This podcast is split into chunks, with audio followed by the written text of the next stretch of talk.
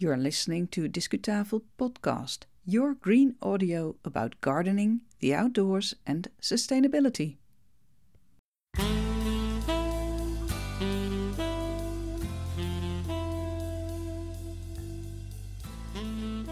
Hello there, welcome to episode 135 of Your Own Green Audio. This is Yvonne Smith, and this episode was released on March the 2nd, 2023. What's up in this show?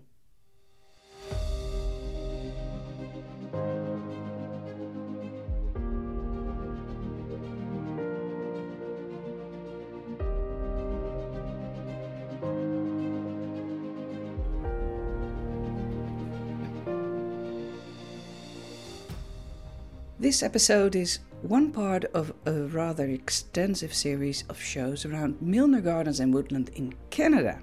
I visited the place in August 22. You can listen to each single episode separately, or one of them, or all of them, in the sequence of your own choice. In case you need an explanation on a name mentioned or so, please go to other episodes in the series or contact us at Discutafel. Milner Gardens and Woodland is an estate on the east coast of Vancouver Island, along the Strait of Georgia, and near the charming town of Qualicum Beach. It's 28 hectares in size, which is the equivalent of 70 acres. Most of the site is woodland. There's also a garden, and the family house, of course, and it's open to the public, so we went there.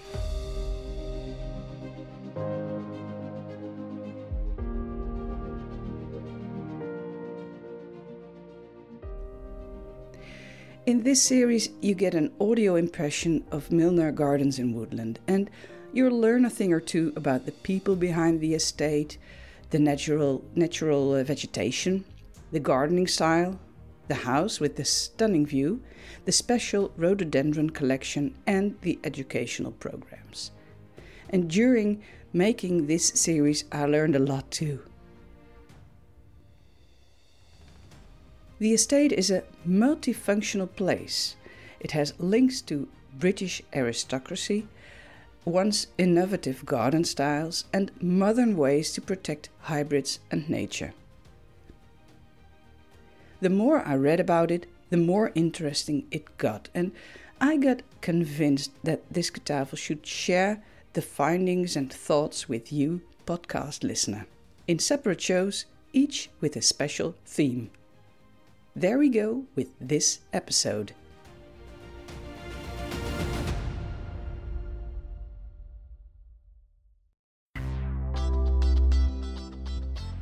Discu knowledge.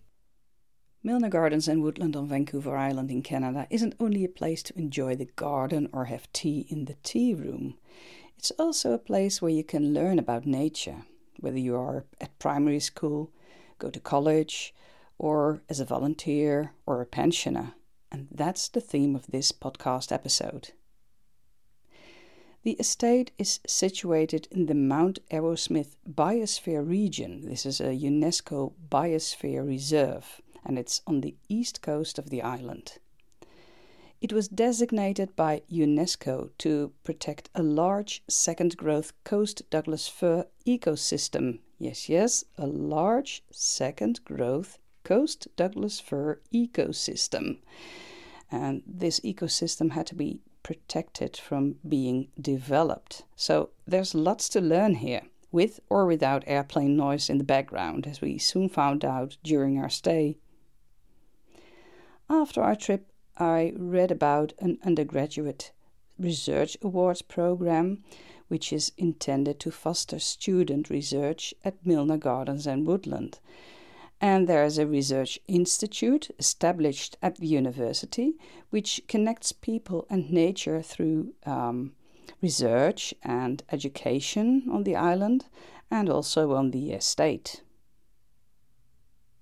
There's also a volunteer organization by the name of Vancouver Island Master Gardeners Association. They offer detailed write ups of plants from Milner Gardens and they also offer a free gardening advice service to the community. And they work on the estate by the hundreds. They have various tasks, also in answering questions asked by the visitors.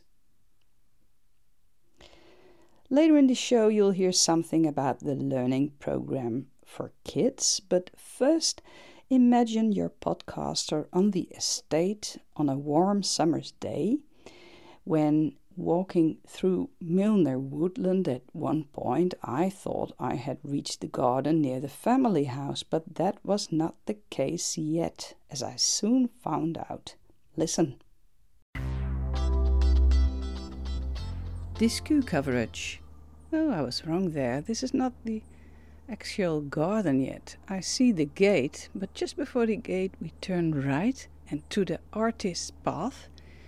And now I am just under the roof of the so called Ursus Den. And this is, um, well, you could say uh, a forest uh, school room. Um, in 2003, Milner Gardens and Woodland launched what was, had become the uh, Shoots with Roots program.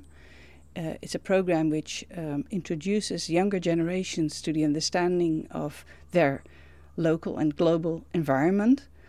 And um, they also want to uh, give them uh, some more appreciation for gardening and where their food comes from. And for the first years of the program, the classroom uh, was run under uh, tents. the classes were run under tents. But uh, thanks to several people here in the neighborhood, the Ursus Den was opened in 2010, and it's a, a wooden building. And I think it's uh, it must be very nice when you're a child here and you get your education, your nature education here in this woodlands, in and around this Ursus Den.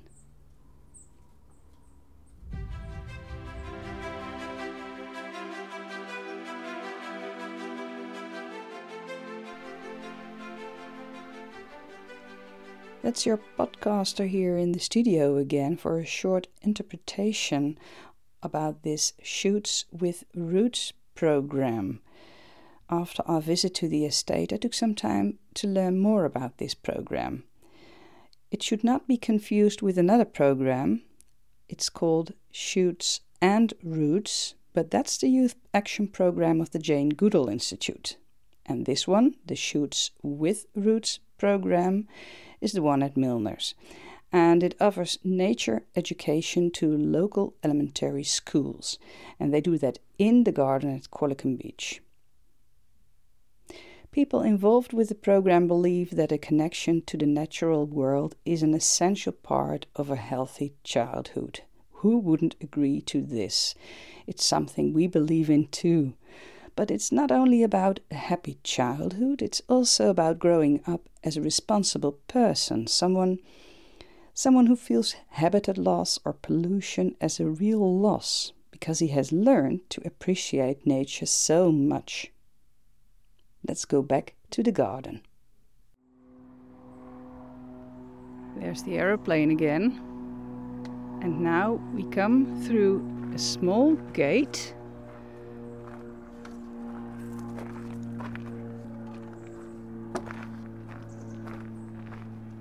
a pavilion here with all kinds of uh, gear you need when you go to gardening. And on the right hand side, uh, you see the, uh, well, it's a small uh, vegetable garden, so to speak. I suppose uh, this is where the children from the Ursus Den garden, I see tomatoes, uh, flowers like the um, calendula, sunflowers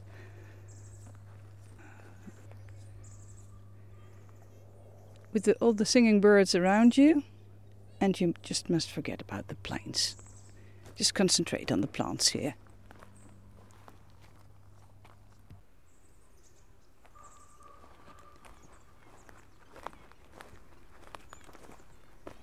Well, the plane is gone now.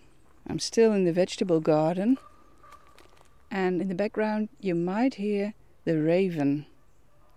Quite a common bird here in this part of Vancouver Island. I'm looking at small beddings with pollinators, edible flowers, oregano, squash, borrago, and kiwi. Lots of kiwi plants.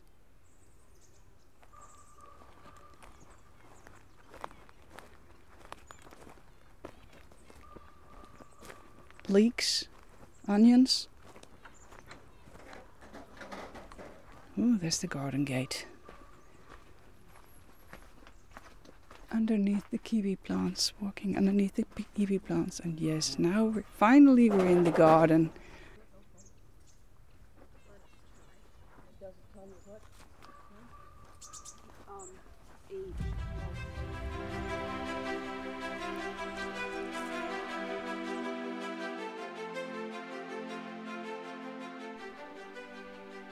This is your podcaster in her Dutch studio again. You're invited to stroll with me through the garden in another episode of our podcast series about Milner Gardens and Woodland. Just go to discutafel.nl to find more about the series. And now, after this trip, I realize this estate has an important role in education and community building, as well as in nature research. And to be honest, I had no idea when I visited the place. These multiple functions may be the cause of our impression at the time that parts of the estate were not um, appeared not to be looked after very well, I should say. So, if you ever plan to go there, which I would recommend, um, it's probably good to know that this place is also a living lab. It's not a perfect show garden.